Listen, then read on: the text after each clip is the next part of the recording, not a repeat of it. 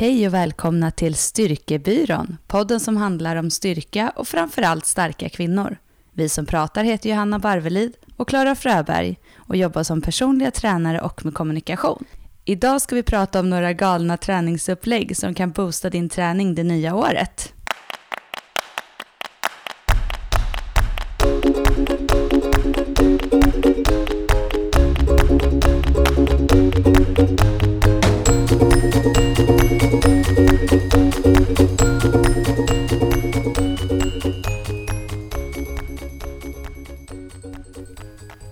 Morgon, god morgon.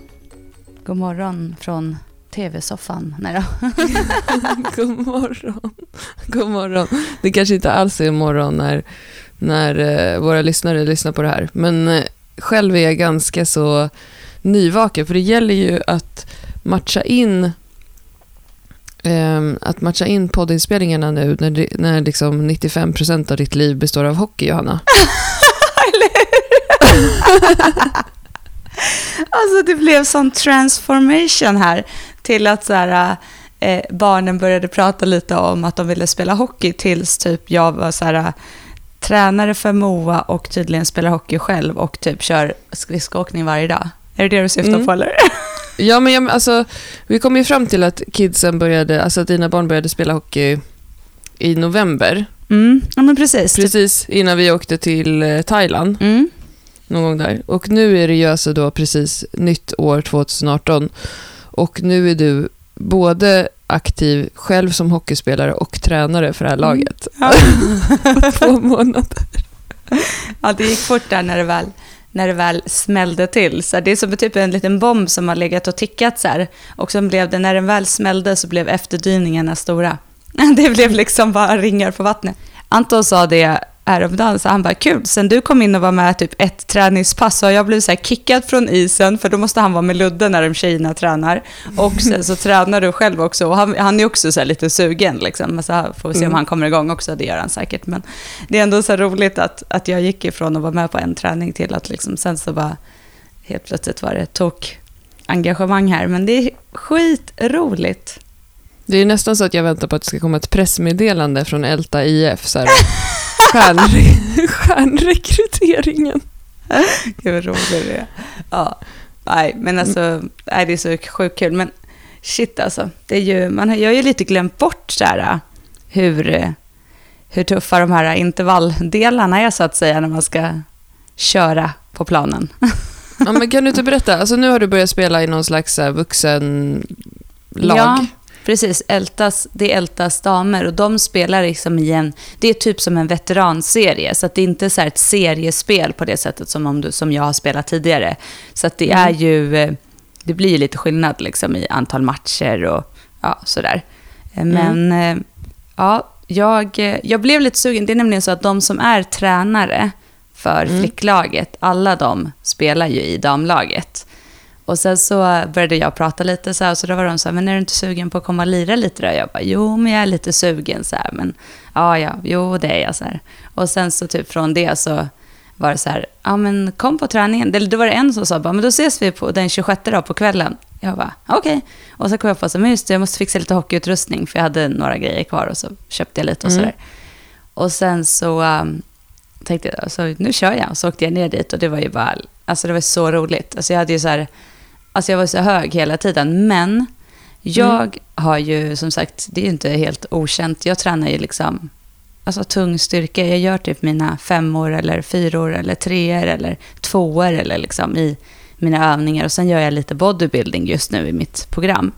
Så eh, när jag då kommer ut på isen och ska göra liksom någon typ av övningar då som man kör, liksom, låt oss säga att man kör, det blir som en intervall liksom, och så ställer man sig så ska man vila. Och sen nu i mellandagarna så är det såklart att många är bortresta, annars är de ett bra, alltså ett ganska brett, stort säger man lag, de är tror jag 30 pers i laget totalt, så det är inte så att det inte är finns folk på träningarna, men nu var det ändå så här, kanske 12 utespelare och två målvakter för att många är iväg.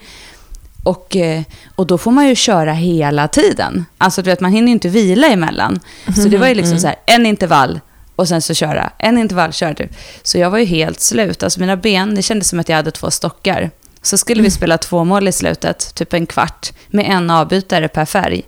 Och alltså, då innebär det, när man spelar match, typ eller så här, i vanliga fall, då kanske man kör så här, ja men allt ifrån 30 sekunder upp till 45 sekunders byten. Eh, Mm. Om man kör liksom, man orkar inte så mycket mer. Och sen byter man, men nu fick man ju köra liksom hur mycket som helst, för nu skulle ju alla fem varva på en avbytare. Så det kändes som att jag stod och bara, får jag byta igen, får jag byta igen? Du ville inte spela.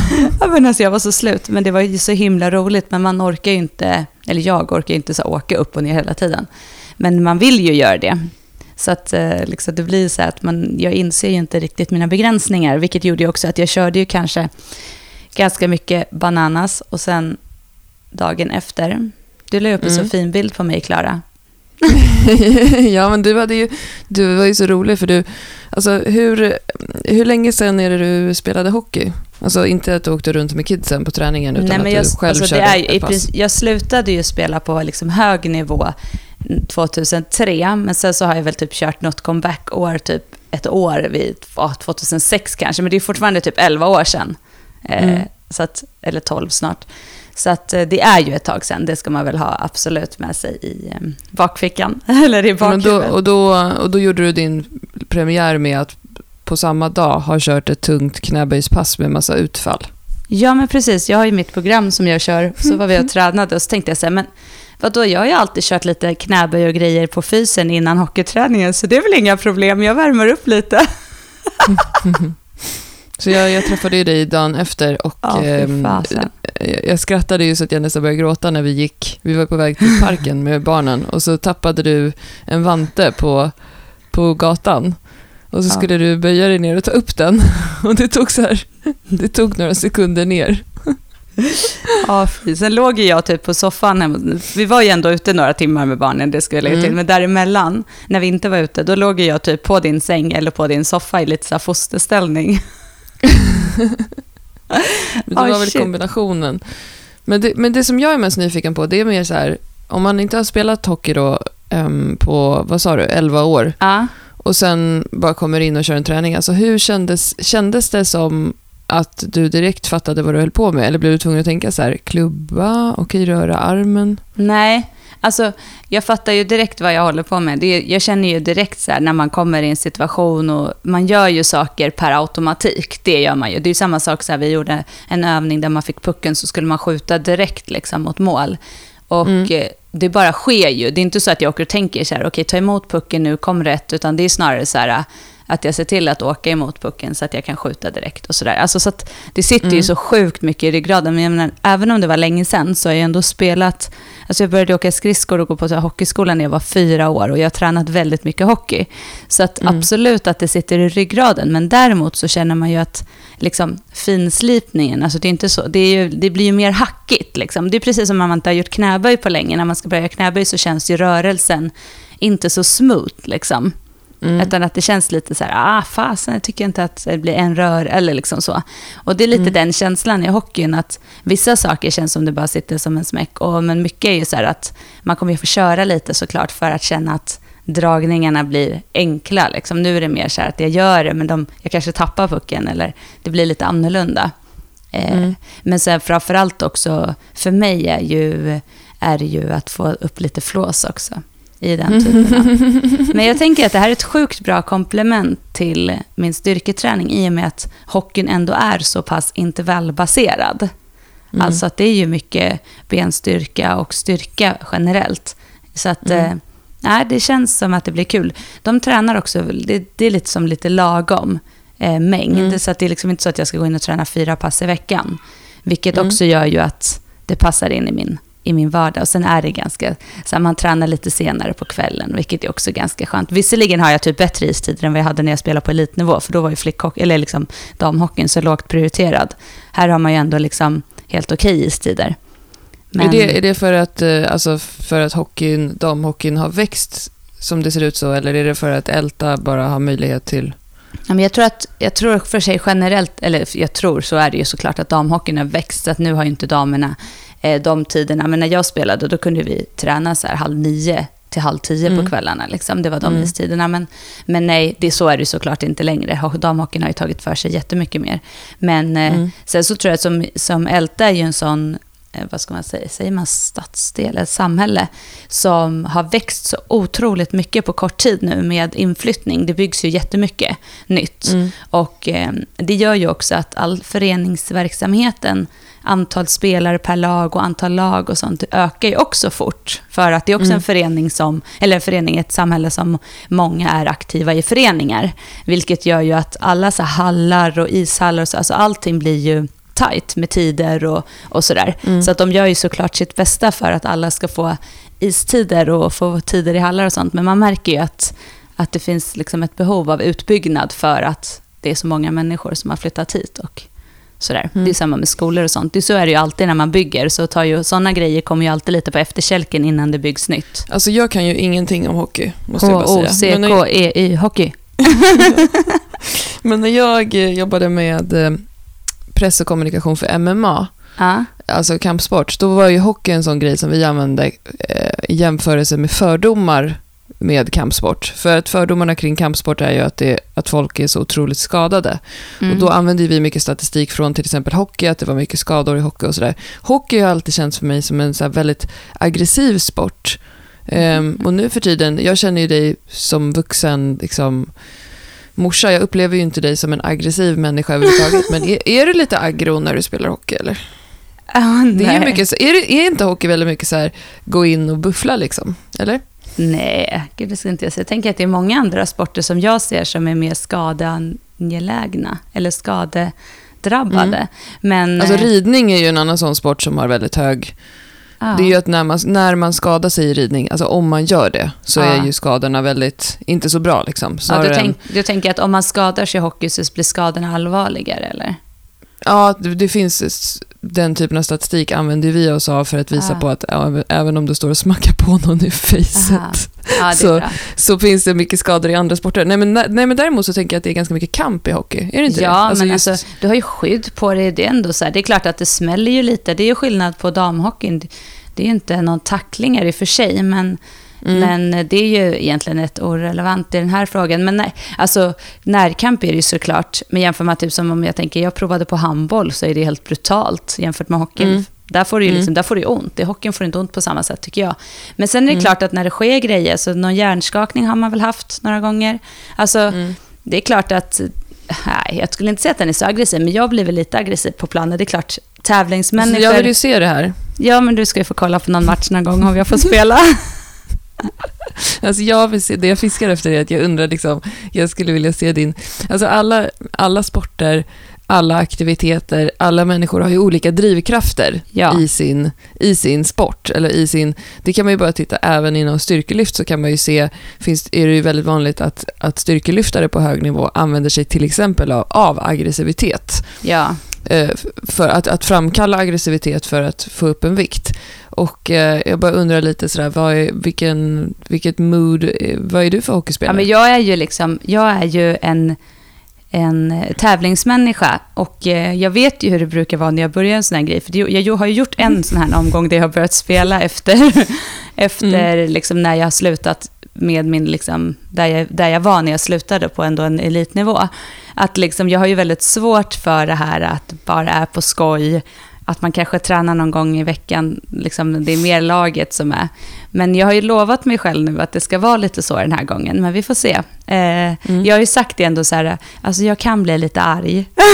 jag sagt det. Men, men alltså jo, jag blir nog, jag blir inte aggressiv, men jag kan nog bli rätt surig. Jag är nog surskallespelare liksom. Jag vet Mm. att min tränare när jag spelade förut i landslaget så var han så här, typ, ah, vad var det han sa? Det var så snällt. Han sa så här, du, så här, du är inte... Du är inte bäst på någonting, men du är jävligt jobbig att möta, eller något sånt sa han. Eh, och det är väl lite så här, det är så här skönt när man är typ 17 år och får höra det liksom. Men, eh, men, nej, men just det här att jag är nog ganska så här, ja, jobbigt att spela mot mig. Alltså, det ska, det, så jag är ju liksom, jag ger mig ju inte, jag är ju inte rädd för, jag viker inte undan i närkamp. Vi hade ju nu på träningen så skulle vi ju, sist så skulle vi ju köra så här närkampsträning, alltså där man kör lite så här Mm. kamp om pucken. Och då märker man ju en stor skillnad. För övrigt var det jättemånga duktiga spelare som har kört både bandy och hockey tidigare. Så det var liksom, det är inte så att jag kan gå in liksom och tro att jag så här, är någon stjärna på, absolut inte. Utan det är verkligen, jag får ju trampa i och så, men i alla fall då skulle vi köra en kampövning. Och då är det klart, då blir det ju tävling, för då ska man ju ta pucken först. Och då, och då märker man ju så att jag ju, då kör ju jag hela vägen in i närkampen. Och det är väl det som är skillnad om man inte kanske har eh, spelat lika mycket, är mer nybörjare och inte kanske har spelat liksom på den nivån att man är mera man backar av mer än man går in i det. Och oftast är det så att gå in i en närkamp så behöver man ju gå in full fart, för det är annars kanske då man skadar sig. Mm. Eh, och sådana saker märker man att där har jag liksom inga som helst eh, hämningar. inte för att jag går in och skadar någon, men jag är ju inte rädd för att gå in i en närkamp. Liksom. Mm. Så att eh, jag är nog ganska så här, eh, liksom bufflig, men inte ful eller arg, utan mer sur. Gud vad roligt. Ja, men det här ska verkligen bli kul att följa. Sen tänker jag också så här att det, det är ju ändå 11 år sedan då som du körde din eh, hobbyhockey-comeback. Och du, har ju, du måste ju tänka på också att du är en helt annan människa idag. Och säkert många egenskaper som du har idag som har växt fram genom att du har mognat som människa. kommer säkert vara positiva för dig i den här hockey, eh, Ja.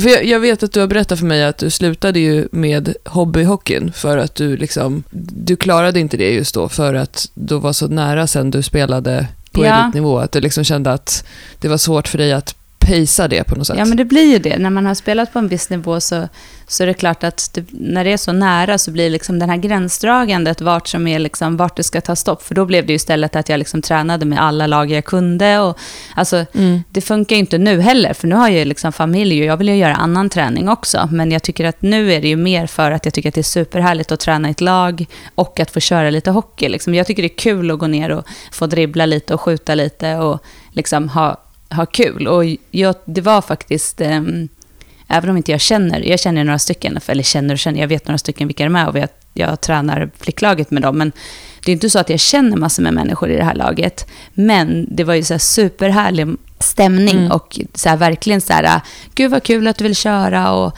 alltså, så det, var, det, och det känner jag, så här, det är nog faktiskt lite viktigare nu än att det ska vara så här, liksom hardcore. Men som sagt, jag fick ju trampa på ordentligt för att, för att kunna köra. Så att det, och efter typ tre byten när jag stod typ med stolpar i benen, då orkade de andra fortfarande köra. Så att, Men det där tror jag också släpper efter några gånger när, man, när kroppen vet vad den håller på med. För jag tänker, du, du har ju ändå kört en hel del konditionsträning i år, om man tänker på totalen, även om det är några månader sedan nu. Men det är inte jättemånga månader sedan, Johanna, som du körde Nej. konditionsträning. Jag vet, det försöker du påminna mig. Nej, självklart. Och det är klart att det blir också en sak, alltså det blir mycket mjölksyra för att det, du sitter ju i ett i en typ Sitt. halvknä. Ja, men precis. Och åker hela tiden. Så det är inte så att du står rakt upp och ner heller. Utan det Mm. blir ju väldigt annorlunda mot vad man är van med. Så det är klart att när man får vänja sig lite med rörelsen så blir det annorlunda. Men ja, fortsättning följer.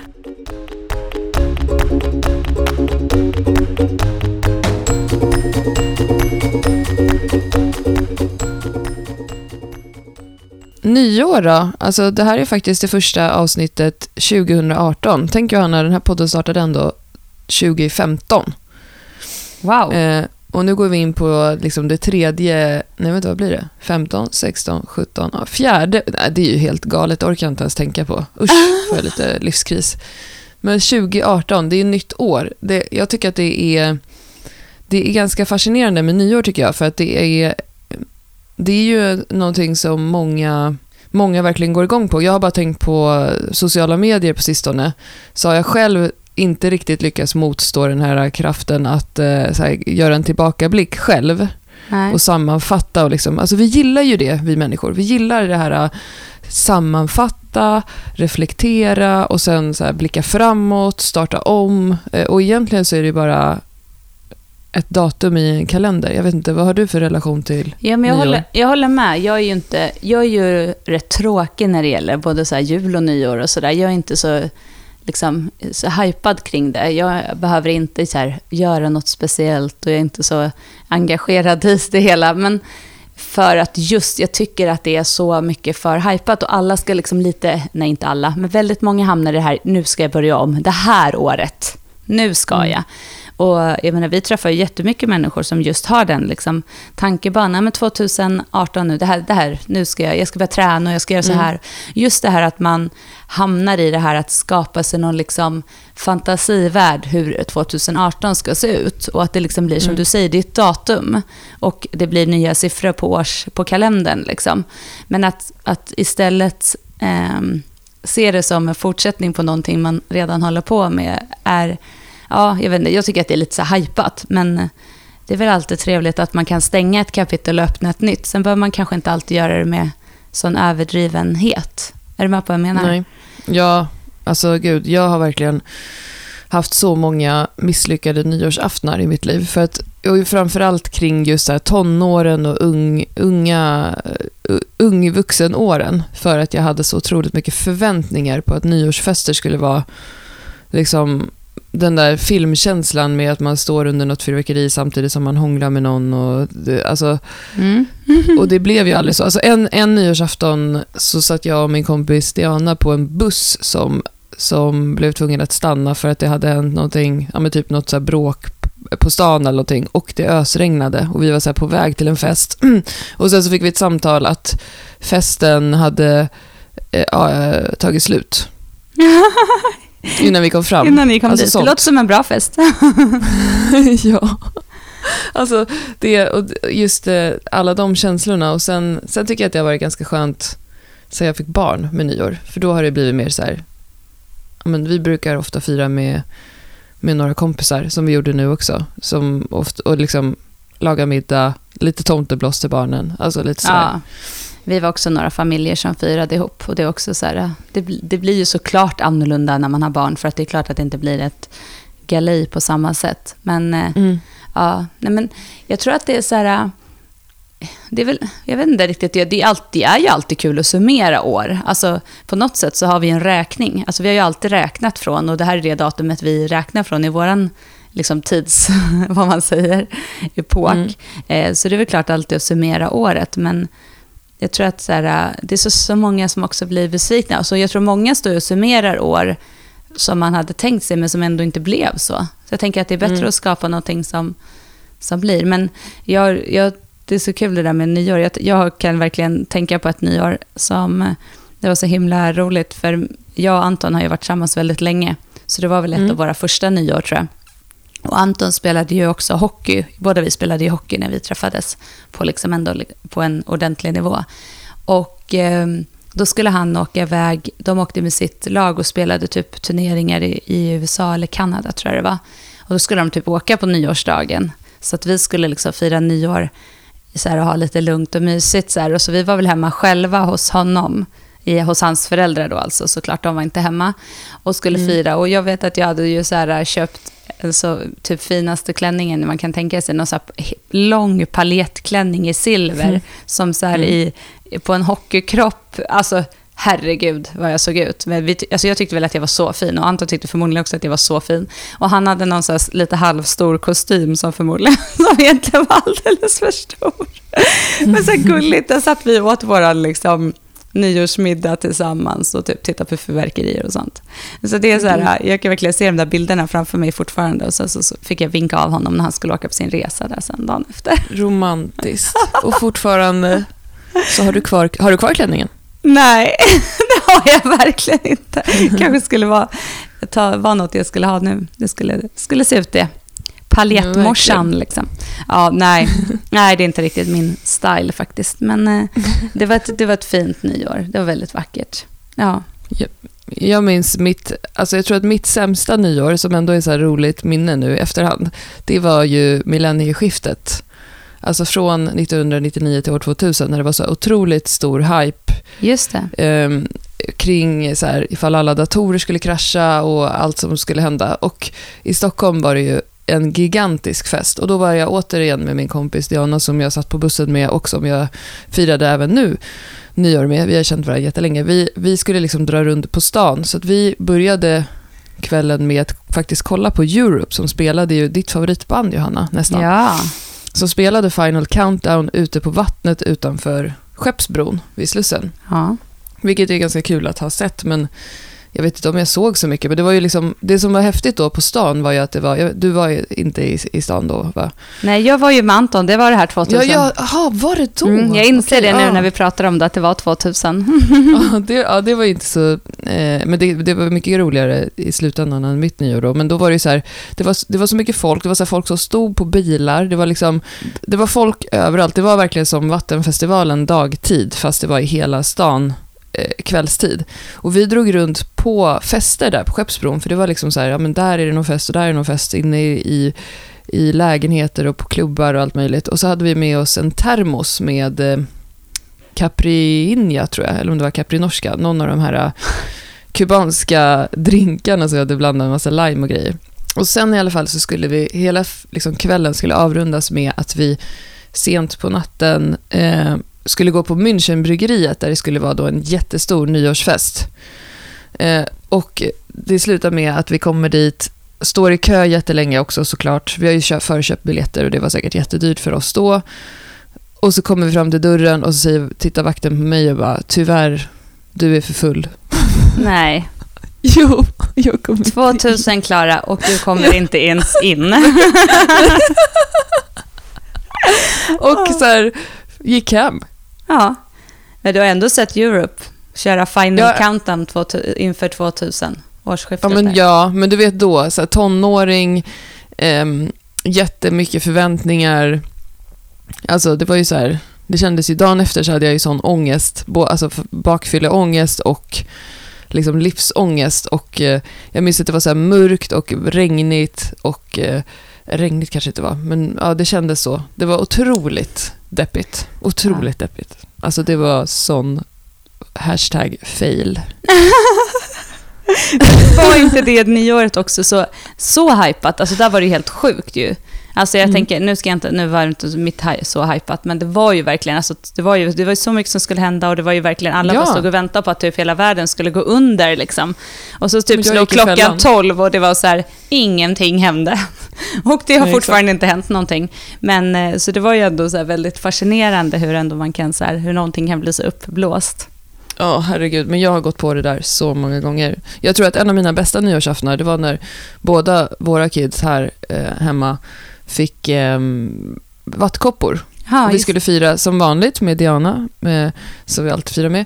Men eh, fick ju ställa in för att, eh, inte för att deras barn inte hade haft vattkoppor, utan för att våra barn var sådär, eh, du vet, de kan vara riktigt hängiga. Ja, de hade feber och så. Ja. Och då minns jag att vi gick ut eh, här i Hammarby sjöstad bara lite grann med barnen så här i vagn och smällde några raketer och så gick vi hem och så var vi hemma och så kollade vi på Gudfadern-trilogin. Det var så här skönt. Det låter mysigt. Det är lite som 2000 för mig. Middag Ja, men, med tända ljus, två stycken människor som Ja, men- sitter och tittar på varandra. Det var men det är ju skönt. Men sen blir det väldigt ofta så här ändå att liksom, och så skulle det bli i år också, väldigt liksom lugnt, bara vi, ingen.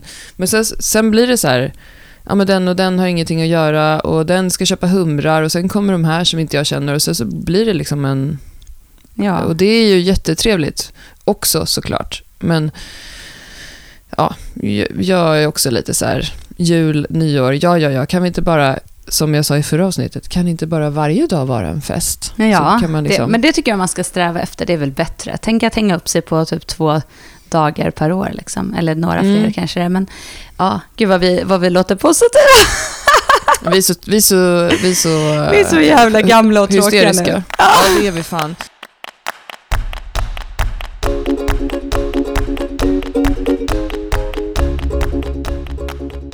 Men du, det här med träning då? Alltså för jag kan ändå känna att, att, att det känns lite kul med ett nytt år eh, träningsmässigt. Mer för att jag känner så här, men vad kul, nu ska jag göra massa nya saker och testa massa galna grejer och, och sådär. För att förra året då, det känns helt sjukt att säga det, förra året, 2017, var ju året för mig när jag, när jag testade ganska många olika galna styrketräningsupplägg. Och då Just tänker det. jag så här, vad ska 2018 bli? Så tycker jag känns ganska kul. Däremot inte att jag liksom, varken du jag, eller jag har ju de senaste åren varit några som gör någon slags nystart kring nyår. Men tänker Nej. du någonting särskilt träningsmässigt 2018?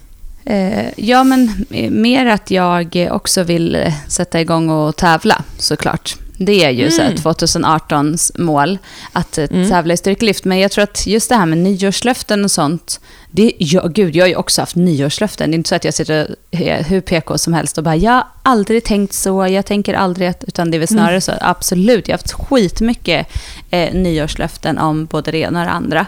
Men jag har väl på, på de visare åren blivit liksom, ja men jag har blivit eh, äldre och visare helt enkelt. Men just det här att eh, att satsa på en helhet istället för att eh, bara fokusera på att sitta och, och eh, planera hur allting ska bli mycket bättre. Jag försöker väl att om jag tycker att något inte är bra, då försöker jag väl kanske fokusera på att det ska bli bra utan att det måste bli ett nytt år.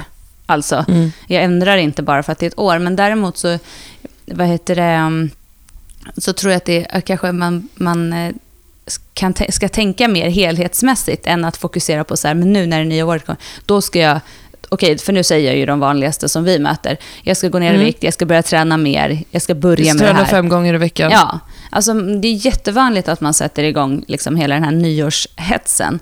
Så jag Mm. tycker att snarare så här, jag, tycker, jag gillar, jag är nog mer ett fan av att summera saker. Alltså jag älskar att man summerar saker och så tar man med det som är positivt. Alltså Mm. vad har varit Mm. positivt 2017? Ta med det Mm. in i 2018 och sen behöver jag korrigera någonting. Ja, men fundera på det. Vad är det som jag kan korrigera? Men gör inte liksom något typ av helt nytt upplägg och en helt nytt li- liv bara för att det är ett nytt år. Så tänker jag. Mm. Men eh, Ja, sen det är det väldigt kul med klokt. nyårslöften. Det är väl alltid lite roligt om det är något som är kul. Men så att, tänk lite så här, vad vill du vara 2019? Ja, Vad vill du ha lite. gjort? Ja, hur, vad vill du, när du står där 2018, 2019, hur vill du summera ditt år? Så kan jag, brukar jag tycka att det är kul att tänka. Ja, och en sak som jag tar med mig från 2017 och in i 2019 hoppas jag, det är det här med kontinuitet som både Mm. du och jag tjatar otroligt mycket om. Jag har verkligen haft en kontinuitet med min träning i år eh, utan att reflektera. Det har verkligen blivit som att borsta tänderna för mig. Att den bara hackas av. Jag har ingen koll på antal pass per vecka. Ehm, jag följer program hela tiden. Jag reflekterar inte så mycket över, över det, utan Nej. jag bara hugg, hugger på, eller vad säger man? Ha, harvar på. Harva på. Ja, men och du får resultat och du kommer framåt, så då behöver du inte heller reflektera så mycket.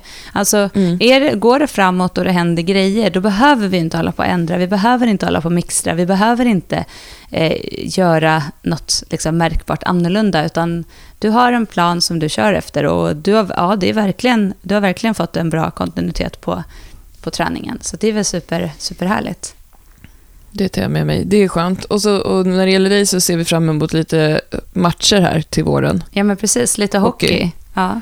Men jag ser framförallt fram emot ett eh, jobbår 2018. För att jag har ju Ja, faktiskt... skojar du? Jag har ju faktiskt varit föräldraledig i princip hela 2017. Sen har jag jobbat lite grann hela tiden. Men nu Mm. kommer ju liksom... Vi avslutar ju snart eh, liksom hemmatiden med Ludvig här nu. Och Anton kommer ju skola in han här i slutet av januari. Eh, Mm. Och sen så ska vi börja jobba båda två. Och det ser jag jättemycket fram emot. Alltså inte att han behöver börja på dagis, Anton kan ju vara hemma, det är inte så. Men, men just det här att få jobba. Eh, för Mm. jag har ju hela tiden tänkt så här, men jag tycker att det är ganska schysst att vara hemma och det är mysigt och jag älskar att vara hemma eh, med mina barn. Men, Tredje gången gilt liksom. ja, men det har varit jättehärligt. Men jag känner mig så taggad nu på att göra saker. Och det är ju såklart också för att vi har så sjukt mycket roliga grejer eh, i pipen som vi bara ska liksom sätta igång Mm. med.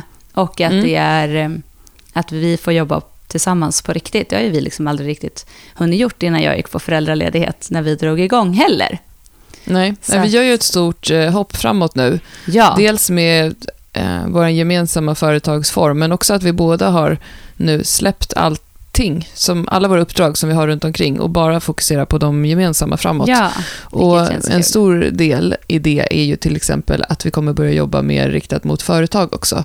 mm. och ehm, fokusera mycket på hälsa som en del. Eh, och sen att vi även har såklart, vi har ju massa planer på hur vi själva ska växa som styrkebyrån i och med att vi har bara två händer var och vi märker ju att det finns eh, förhoppningar om att vi ska kunna träffa och nå ut till fler människor än vad vi fysiskt idag kan. Så det har vi Ja. ju många planer på och det känns ju så jäkla kul. Alltså telefonen på kvällarna när du och jag båda två har så här, lagt våra kids och eh, suttit och läst någonting eller sett någon artikel eller sett någon film och bara den här övningen och det här och det här måste vi lägga till och kolla på den här och den Ja. här saken.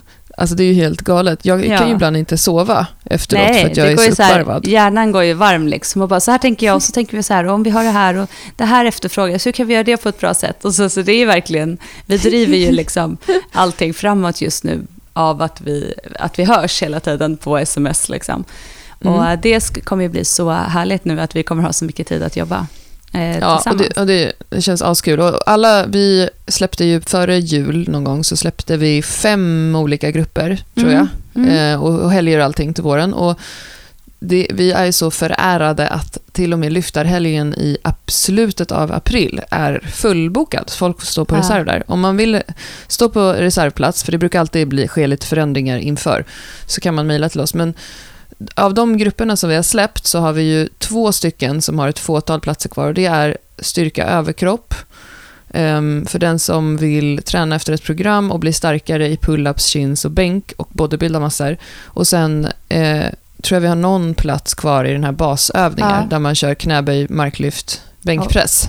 Och sen kör Så vi våra in- fys också, lyftarfysen. Den, är- Ja, kommer ju just vara, det. den kommer ju Det vara drar vi igång varannan med vecka. nu, Ja. på onsdag. Den är fullbokad på onsdag, men däremot Mm. så, så kör vi den varannan onsdag sen och där finns det ju lite platser, så där är det bara att anmäla sig. Men nej, det känns också, det är ett nytt koncept som vi ska testa, men det känns lite kul, Mm. för vi sa det också att det är kul att bara få, liksom, att man får bara komma och köra, för det är många som inte kan liksom låsa upp sig på eh, flera gånger och som kanske inte passar och de bor inte här och sådär. Mm. Och då har vi fått önskemål just om att köra något sånt liknande, så det ska bli kul att testa och se om, om det blir Mm. uppskattat. Nej, det är kul. 2018 som sagt, nu sitter vi här och säger så här, man behöver inte blåsa upp det så mycket, men vi har blåst upp våra 2018 som en stor jäkla ballong som, nej inte ballong, den kommer inte spricka, en stor eh, förväntansbubbla. Ja, och vi tar, vi, som sagt, vi tar ett stort hopp nu ehm, och satsar. Och vi har ju till exempel, förra året har vi fått av eh, neka massa förfrågningar, till exempel om att komma ut till folk och föreläsa och sådana saker, för att vi inte haft möjlighet och för att Mm. vi liksom inte har jobbat med det heltid båda två. Nu har vi den möjligheten, så är det någon som är intresserad av att vi ska komma ut till er, så är det bara att mejla eh, en förfrågan, så ska vi försöka eh, mötas och, och lösa det. Och det känns ju framförallt väldigt kul, för att det kändes ju lite så förra året mycket som att vi satt vi har ju ganska mycket admin med att svara på förfrågningar och sånt. Och det känns så himla tråkigt att få säga så här, nej men det går tyvärr inte. Ja, jag vet. Ehm, Men man är inte mer än människa och, och nu är våra människor, nu är vi som människor lite mer eh, lös, nu kan vi vara lite mer lösnings... Lösaktiga. Ja, det är bra. Lösaktiga, det är bra. Vi har mer tid nu helt enkelt. Det är ju, man vill ju alltid så mycket och jag vet att vi har suttit så här och bara, men kanske går det att lösa, det kan, kan vi inte göra så här och så här och sen inser vi till slut bara, nej men det går ju inte. Vi kommer bara sätta liksom krokben för oss själva. Men Mm. nu jäklar, vi är redo. Nu, nu kör vi. Och Ja. vi har till idag tagit fram en lista på några olika träningsupplägg för att faktiskt snacka lite träning, eh, styrketräning i det här avsnittet också. Nu har vi precis sagt att det är onödigt att göra någon så här stor nyårssatsning, men jag vill också säga där Johanna, att det glömde jag bort när vi pratade om nyår förut, att jag brukar faktiskt göra det eh, träningsmässigt. Jag kommer inte göra det i år, men de senaste åren så har jag alltid gjort något litet så här annorlunda upplägg kring nyår. Det brukar i och för sig börja lite före nyår, men det är också mycket för att då brukar jag vara ledig. Ja. Jag har i flera år i rad kört GVT till exempel kring nyår, som är ett som är tysk volymträning, eh, där man ju kör två övningar 10 gånger 10 med angiven vila och man gör det excentriskt. Det är fruktansvärt Mhm. jobbigt. Det har jag gjort som någon slags, slags kickstart på året. Ehm, ofta bara för att göra någonting helt annorlunda eftersom att jag åren innan väldigt mycket har varit i knäböj och markträsket. Liksom. Eh, så där, där har vi tagit fram en liten lista idag på eh, för de som kanske skulle vara sugna på att testa någonting annat under en liten boostperiod det nya året. Mm. Ja, men den, den första punkten här då, Klara. Excentrisk träning. Det innebär ju alltså att man jobbar i en fas där man antingen jobbar tyngre eller håller emot. Alltså Mm. till exempel om vi pratar om en knäböj, att man jobbar excentriskt, så jobbar man alltså ner långsammare.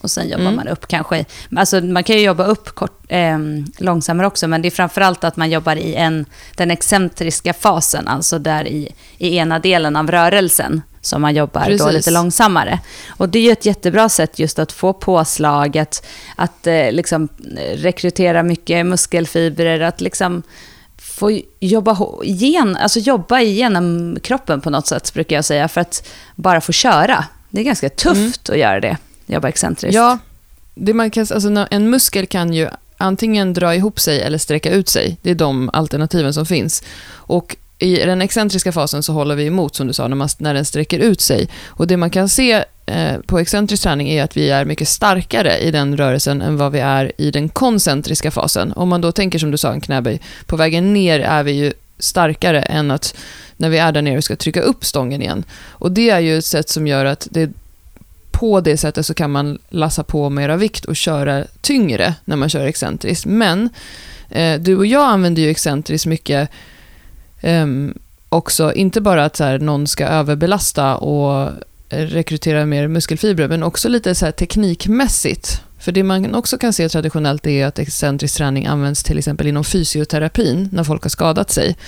Så använder man det mycket för att skapa kontroll, kontakt eh, och teknik. Och, jag, och både du och jag använder det ju också ganska mycket för personer som kanske inte är jätte eh, erfarna när det gäller bodybuilding och styrketräning för att också skapa en, en kroppsuppfattning och eh, teknik. Att man kanske gör en rörelse mer kontrollerad. Ja, Eller ju, ja, precis. ja, men precis. Just det här att känna muskeln. Alltså vad är det Mm. jag jobbar? Nu är inte för att vi bara pratar muskel, men just att känna Jo, så här, okej, när jag jo, gör en. Ah, när jag gör till exempel en, en det kan ju vara en hantelrodd till exempel, eh, Mm. med en, en hand, ena handen, att liksom känna så här, vart har jag mina skulderblad, hur jobbar jag, kniper jag åt i latsen, alltså att man får Mm. med att det inte bara blir att man står och gör rörelsen utan att tänka Vevar efter. Exakt, för det är jättemånga som gör det och så tycker de så här, men det händer ingenting. Och det känns inte så jobbigt och man tar tyngre och tyngre och så bara rycker man och rycker och rycker i den där. Och sen så får Mm. de jobba kontrollerat, just lite excentriskt och verkligen tänka så här, men vart ska du jobba nu? Och då blir Mm. det en helt annan sak. Så det gillar jag, på det sättet gillar jag att jobba. Sen så tänkte jag bara, du sa så här, så att man kan lasta på mer. Det är egentligen olika delar för att Mm. Eh, om du till exempel jobbar en excentrisk knäböj och även ska jobba upp, då kommer det inte innebära att du kan belasta den mer, utan snarare Nej. att du inte kommer kunna ha lika mycket belastning. För att, men du gör den tyngre för att du jobbar långsamt ner, så att den nerfasen ändå blir tyngre än uppfasen. Om du inte Men- har hjälp då av Precis, en men sen kan, man jobba ex- exakt, sen kan man jobba excentriskt med överbelastad, att du bara jobbar ner i knäböjen och sen får hjälp upp, eller så i bänkpress också Mm. till exempel, att du bara jobbar ner mot bröstet och sen får du hjälp upp. Så att det är olika sätt att jobba på det och det är också såklart lite beroende på vilken erfarenhet man har och hur mycket man har tränat. Men Mm. excentrisk träning är en sån sak, vi har ju pratat om det förut såklart, eh, Mm. men som också är ett jättebra sätt när man tycker att man kanske hamnar lite på en platå eller man tycker att träningen bara rullar på och det inte händer så mycket. Att just Mm. addera det. Och det kan man verkligen addera, som vi säger, allt ifrån basövningarna till de minsta övningarna i bicepscurlen. Liksom. Att jobba Mm. excentriskt i en bicepscurl. Så att, eh, det är en kul addering och det är väl perfekt att eh, göra kanske också en sån sak som jag tycker är bra när man är någonstans, man kanske är borta lite, man har inte lika tunga vikter, man är på något annat gym eller så här. Då är det perfekt Mm. med lite excentrisk träning, för man ställer oftast inte samma krav på eh, vikterna.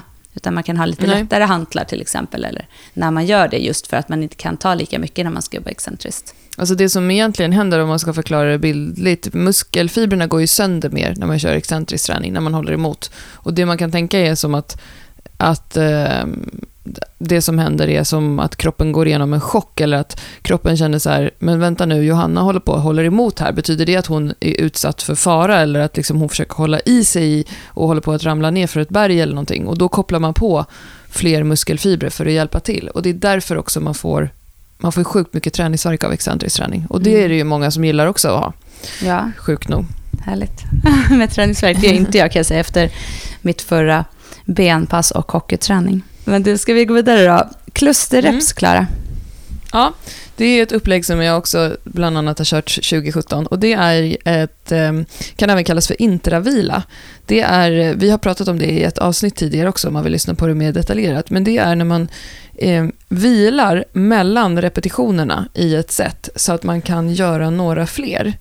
Ehm, det är inte då, det finns något som heter myoreps, där, vil, där gör man ett antal och sen så vilar man och, eh, och sen efter en stund gör man fler. Utan här vilar man mellan varje. Så om man till exempel har ett set där man ska göra fem repetitioner, då kanske man vilar tio sekunder mellan varje repetition. Det här gör att man oftast kan kanske då till exempel göra fem reps på en högre vikt än vad man vanligtvis gör. Men det som det också gör, som jag upplevde som positivt, det är att man kan göra det med en bättre teknik. Därför att du laddar om mycket mer inför varje, än om du står och gör fem upp och ner. Det är typ som om du skulle göra en knäböj, så gör du en knäböj, lägger tillbaka stången, mm. vilar typ 10 sekunder och så gör du en knäböj till. Och så mm, gör du så exakt. fem gånger, istället för att göra fem knäböj på raken. Exakt. Eh, och det är klart att då blir det ju, det som du säger, det blir ju mer fokuserat på varje lyft. Eh, mm. Men du får också den där lilla, lilla vilan som kanske gör att du kan hålla, behålla samma teknik och att du kan hålla tyngre. Det är också ett kul Ex sätt att testa. Exakt det upplevde jag var jättekul, eller kul. Alltså i marklyften var det i och för sig, att göra en femma klusterreps, marklyft var ju jättesvettigt, jättejobbigt. Alltså jag led ju. Eh, men det kan också vara ett sätt att eh, spicea upp sin träning om man vill testa. Och jag tänker så här, både det här vi säger nu, excentrisk träning, klusterreps, testa sex veckor liksom. Det räcker. Ja, det är en kortare period man kan göra det här. Mm. Det, det, kan ju vara en så här härlig, härlig grej att bryta av med och eh, komma igång med något annat eller något nytt eller om man vill utveckla eller fortsätta. Eller att man är i, just det att man är i en, ett, eh, liksom ett hjul och bara kör på och kanske mm. känner att man behöver någon förändring. Då kan det vara bra att våga bryta upp lite helt och hållet och göra något annat istället för att bara småändra. Eh, mm. Så det är ju lite syftet med de här grejerna. Men, ja. och sen, sen har vi ju droppset. Det är ju... Ja det är ju härligt och eh, jobbigt. Det, det, är en klassiker ja. um, som, som både du och jag har kört på sistone när du och jag har träffats och haft Arms Day på sistone. Ja. Um, och det är ju när vi ska göra, ofta så jobbar man ju med det i just de assisterande övningarna. Att um, inte, därför att när du kör ett droppset, då blir du inte primärt starkare om du hela tiden går till failure på varje vikt. Det man gör är att man tar en vikt, om vi, om vi tar till exempel triceps pushdown som du och jag gjorde, mm. dropset sist Johanna, med rep, så gör man, så kan, då skulle vi göra 20 reps på en vikt. Då började vi på en vikt och sen kände vi liksom att nej men nu klarar jag inte, jag gjorde kanske 10 stycken på den vikten. Då tar jag av vikt och sänker belastningen och gör några till. Och så sänker jag igen och så gör jag några till och så sänker jag igen och så gör jag några till. Och det här kan man göra hela vägen ner till um, vi, vi skrattade, jag kommer ihåg när Dr. Caroline berättade för oss att hon hade stått till slut utan hantlar när hon tränade på gymmet. Jag typ gjort sig hantellyft i sidled eller någonting. Ja, och till slut så var det liksom bara armarna och hon sa så här, det här är liksom under min värdighet. Hon sa att hon måste sett så sjukt ut för någon som stod och tittade på. Ja. Att hon såg och vevade med armarna. Men det, det är ju så det känns då. Då tränar du ju verkligen slut på en muskel. Men du ska ju göra det med övningar som inte eh, är tekniskt svåra och där, där jobbar du alltså inte primärt med styrkan, för jobbar vi primärt med styrkan, då vill vi ha energi kvar till varje sätt. Här vill ja, vi köra slut. Exakt, och sen så det är såklart att det inte går att göra med en övning, för att jag menar, gör du det med en stor övning där det är en stor rörelse som kräver mycket teknik, så kommer du ju att ligga alldeles för nära skada, vilket inte såklart inte är något som är speciellt smart. Så att det är ju, där snackar vi ju verkligen de här triceps och bicepsövningarna och hantel, axelövningar och sådär. Mm. Mm. Så och det är ett härligt klassiska... pump. Ja, klassiska bodybuilding-övningar liksom. Mm. Som också är härligt att köra. Ja, det kan också vara lite nice. Mm. Eh, och, den, och, den, sista som vi tänker som så kan vara så här nyårspepp, om man bara vill testa att boosta sin träning i några veckor, det är för de som vet med sig, alltså, och nu pratar jag liksom till dig och mig Johanna, nu har vi blivit lite bättre på det här senaste året, men annars har ju du och jag varit väldigt mycket så här, knäböj, marklyft, bänkpress, militärpress, knäböj, bänkpress, mm, marklyft, verkligen. militärpress. För de som vet med sig att man går och gör fem gånger fem varje vecka, år in och år ut, så kan faktiskt triset eller cirkelträning också vara ett sätt att boosta sin träning. Ja, få ett avbrott, kör lite mer, lite fokusassisterande övningar. Mm. Eh, kör mindre av de andra och lite mer av de cirklarna och triset. Eh, under en period så kommer du också känna att det händer grejer. Ja, och det, alltså jag menar, det är självklart att jag hade till exempel under någon av perioderna i år så hade jag ett triset där jag körde bänkpress, pull-ups och sen hade jag någon till övning i, Mm. i cirkel. Ehm, och det är klart att jag inte kan köra lika tungt som jag kan om jag bara kör bänkpressen då. Men det ger ju också en, en otrolig all-around-känsla också. Verkligen. Eh, att, kunna köra på i en cirkel. Och sen så får jag också lägga in en liten brasklapp om att jag, många kvinnor och många tjejer som vi träffar, många tjejer som vi tränar, det är precis på det här sättet de tränar, så de behöver Ja. inte lyssna på den här punkten. Men just att tjejer tränar i cirklar ehm, är ju väldigt vanligt. Ehm, så då behöver man inte, självklart så ska man se det här som ett sätt att boosta sin träning om man inte tränar så innan. Exakt. Eh, för många tjejer är ju verkligen i, jag tar sex övningar och så kör jag dem 40 sekunders pump, 20 sekunders vila på varje övning, tre varv. Det är ju så här klassiskt. Ja. Och mm, vet man med sig att man är en sån, då kanske inte det här är något för dig. Men vet du med dig att du väldigt mycket står och vilar två minuter mellan dina knäböj och sen går du hem, då kan cirklar och triset vara ett, ett skönt sätt att bara bränna på lite. Ja, man får lite fart och lite puls och lite hjärta i träningen. Men Mm. det, är ju, det här är ju som sagt varför... Vad, det här är ju lite pepp för, som sagt, 2018. Behöver du bryta av lite eller liksom bara få till lite något annat? Eller är du lite i så här att du inte riktigt vet vad du vill med 2018 när det gäller tränings, träningen? Eller hur du ska fortsätta? Är du nöjd och kör på och får resultat, då är det bara att köra på. Men det kan alltid vara bra att bryta av ibland och göra något helt annat och inte Eh, eller helt annat är det väl inte, det är fortfarande styrketräning, men att inte vara rädd för att våga bryta upp lite och göra någonting en period, för det ger oftast väldigt mycket till input till din träning som du kanske vill hålla på med främst. Mm. Så att, och det är ju verkligen eh, någonting som vi, vi har blivit mycket bättre på också, som du säger, de senaste åren, att faktiskt våga variera och, och också inte alltid köra bekvämlighetsträning. Vi hade ju en period, vi var ju så sjukt bekväma. Vi fick Åh, ju Gud. resultat, så det ska vi inte säga, vi blev ju starkare. Men eh, det är just det här att när man blir bekväm, alla, alla vet ju med sig hur det är att bli bekväm. Man gör det man tycker är roligt, man gör det man är starkast i och man gör inte Mm. något, någon alltför stor ansträngning. Det är skönt Mm. liksom. Mm. Men eh, vill man utvecklas och bli starkare, bli liksom mer atletisk i, i sin träning och sin kropp, då behöver man ju variera och man behöver göra även sånt som inte är bekvämt. Ja, för det ska man ju ha med sig att det finns två stora principer som man behöver ta hänsyn till om man vill bli starkare eller större eller ja, vad det nu än må vara med sin träning. Och det är specificitetsprincipen som innebär att du blir bra på det du tränar. Det vill säga, gör du ingen bänkpress så kommer du inte bli bra på bänkpress. Det är klart att du måste träna. Om du ska börja spela hockey nu Johanna så måste du ju spela hockey så att du Ja, så att du finslipar tekniken och blir bra på det du vill utföra. Och sen nummer två, ehm, anpassningsprincipen. Det är ju också, kroppen är ju genial. Alltså skulle du nu idag börja gå med Ludvig på ryggen en mil varje dag för att ni ska jobba på risfältet, då kommer din rygg att anpassa sig efter det. Eh, och så kommer din kropp försöka att göra av med så lite energi som möjligt för att kunna utföra det här för att den vet att så här, okej, men nu, nu är det det här som gäller. Kroppen är ju otrolig på det sättet. Människan är ju otrolig på det sättet. Alltså det enda som är konstant med oss är ju att vi hela tiden förändras. Och då behöver vi lura kroppen ehm, att inte anpassa sig om vi vill bli starkare. Så precis Mm. som du säger är det här ett sätt att inte vara i bekvämlighetszonen. Men sen tänker jag också att det kan vara ett sätt att inte vara så fokuserad på vad det är för vikt på stången. För att byter du helt upplägg så kan du heller inte ha några förväntningar om vad du ska, vad du ska ta, vad du ska lägga på, vad du ska, vad du ska skriva upp för vikter i din träningsdagbok. Och där träffar vi också många som är väldigt hårda mot sig själva. Bedöma sig själva, bedöma sin träning hela tiden. Och det kan vara lite stressande att känna att det hela tiden måste gå framåt. Och då kan man ta en sån här period när man bara gör någonting bananas ett tag.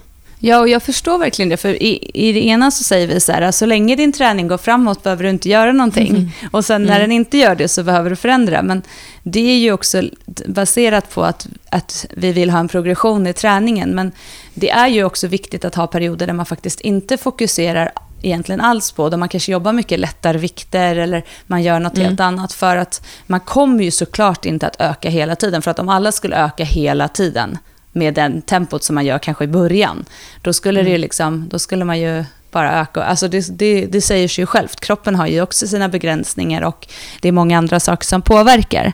Men just att det, är skönt att ta bort helt fokuset på hur ligger jag nu i mina femmer, hur ligger jag i mina sexer, alltså bara få göra något annat. Men eh, Ja, det jag förstår att det blir lite, det blir lite så här snurrigt ibland. För att de säger så, men de säger att man ska öka hela tiden och när man inte ökar, och, eller när man ökar, då ska man ändå förändra. Alltså, det är klart att det Ja, blir men det snurrigt. viktigaste är ju ändå att man har motivationen, att man tycker att det är Absolut. kul. Och um, det, det finns liksom inget syfte med träningen om man inte har någon motivation och inte tycker att det är kul. Vi är ändå vanliga dödliga människor som inte ska liksom få en medalj för Sverige. Ja, och jag menar, man har, måste inte heller bli starkare om det inte är så att det är målet. Alltså, Mm. det är liksom, att bara träna är nog så bra. Ja, alltså det som jag sa innan, jag är mest nöjd med 2017 över min kontinuitet. Jag har gått igenom ett jättetufft år på det privata planet och jag är liksom en tvåbarnsmorsa, ensamstående. Jag har ingen ångest över, alltså jag hade säkert, om jag hade varit liksom 24 och inte haft några kids, så hade jag ju ökat mycket, mycket mer prestationsmässigt i mina vikter som jag har lyft. Jag är mest nöjd över kontinuiteten 2017. Ja, men och kontinuiteten ger ju ett resultat. För att om man tittar över ett år, det brukar vi säga just det här när man många som hamnar i, jag vet att vi har pratat om det också i tidigare avsnitt, att om man hamnar i det här att man hela tiden säger så här, men jag ska göra så här, jag ska träna så här många gånger i veckan och jag ska göra så här och så här och så här. Och så sätter man det målet och så gör man det i några veckor, men sen är det istället typ en månad som du inte gör någonting för att du blir så, liksom, du tappar motivationen, du tycker inte det är kul längre. Och så gör du ingenting och så bryr du dig inte om vad du äter överhuvudtaget. Och så börjar du om igen. Och så tappar du det helt igen. Och så börjar du om igen. Så att du har liksom, när, du, när du står där ett år senare så står du på ruta noll igen. För att det har varit så mycket upp och ner. Och det är det som är skillnaden. Får vi en kontinuitet, även om den är jag tränar två gånger i veckan och jag gör saker som jag mår bra av. Eller om det är jag tränar en gång i veckan och så går jag ut och går promenader och äter mat som jag mår bra av. Alltså, vad det än är, har du en kontinuitet så kommer du komma längre på ett år än vad du gör om du ska köra liksom alla de här ma- manana-satsningarna, tänkte jag säga, galna satsningarna i att, att liksom, nu är det all in, all in, all in, all in och så pallar Mm. man det inte. Och det är väl det som jag tycker är just det här med nyår, att, att se det istället för någonting som ska fungera hela tiden, precis som vi alltid pratar om. Att Mm. jag är så här, vi har ju säger det ofta att när vi har kunder som till exempel när det gäller maten som vill äta utifrån någon speciell diet eller någonting, då är det så här, om det passar dig, gör det, men du ska kunna göra det 365 dagar om året. Det ska inte Mm. vara i en månad, för då är det inget som passar dig. Och det är det jag tror lite med allting, att se allting som att varje dag är lika mycket värd som, som du sa, att varje dag är en fest. Alltså, det ska inte vara vissa perioder som ska behöva vara så jäkla mycket mer. Livet är en fest. Ja, Livet men det är är ändå en bra avslutning av dig, Johanna. Härligt när jag får Eh. avsluta ibland. Ja, men verkligen. Om, jag ska bara avrunda med att upprepa vilka träningsupplägg vi nu sa. För dig som vill ha lite extra pepp efter nyår, kör sex veckors excentrisk träning.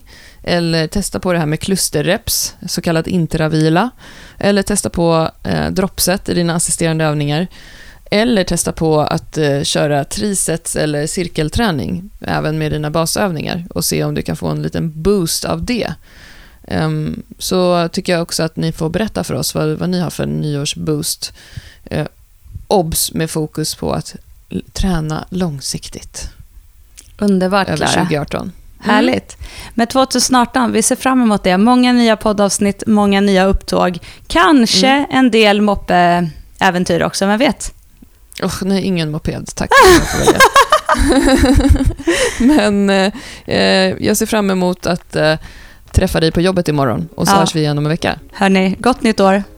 Gott nytt år! Puss! Hej då! Hej då!